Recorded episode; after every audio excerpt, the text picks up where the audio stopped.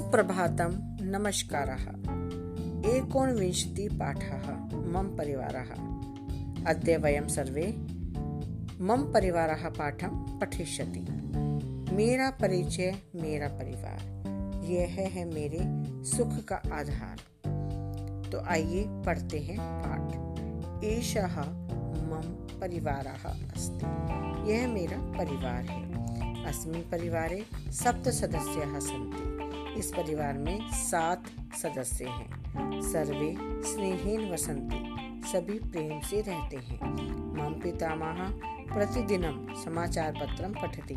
मेरे दादा प्रतिदिन समाचार पत्र पढ़ते हैं। पितामही च प्रतिदिनम देवालयम गच्छति और दादी प्रतिदिन मंदिर जाती है।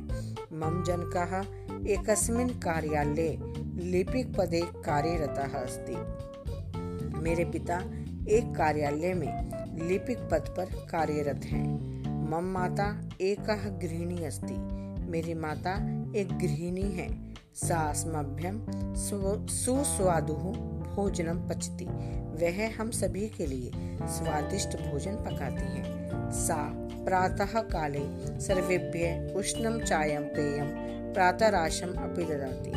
वह सुबह के समय में सभी को गर्म चाय पीने योग्य गर्म चाय और नाश्ता अर्थात अल्पाहार भी देती है।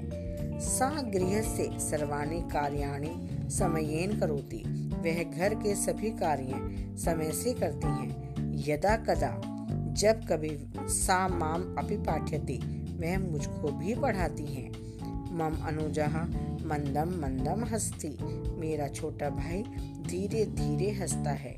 मम नाम आलोका अस्ति। मेरा नाम आलोक है। अहम षष्टम्याम कक्षायाम पठामी। मैं छठी कक्षा में पढ़ता हूँ। मह्यम क्रिकेट क्रीड़ा अति रोचते। मुझे क्रिकेट क्रीड़ा बहुत अच्छी लगती है।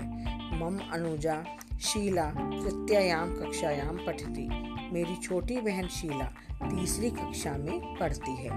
सा सर्वेशा प्रिया अस्ति। वह सभी की प्रिय है। वयम अवकाशेशु भ्रमणाय अपि गच्छामः। हम सब छुट्टियों में घूमने के लिए भी जाते हैं। अयम परिवार असमान सदव्यवहारम अपि शिक्षति। यह परिवार हम सभी को सदव्यवहार भी सिखाता है। मम परिवार एक शोभना परिवार अस्ति। मेरा परिवार एक अच्छा परिवार है। तो बच्चों, इस पाठ में परिवार का महत्व बताया गया है। परिवार में एक दूसरे के सहयोग से ही हम सब सुखी रह सकते हैं। एक दूसरे से प्रेम करना चाहिए, एक दूसरे का सहयोग करना चाहिए और मिलजुल कर रहना चाहिए। हमारे जीवन में परिवार बहुत ही महत्वपूर्ण होता है। धन्यवाद बच्चों।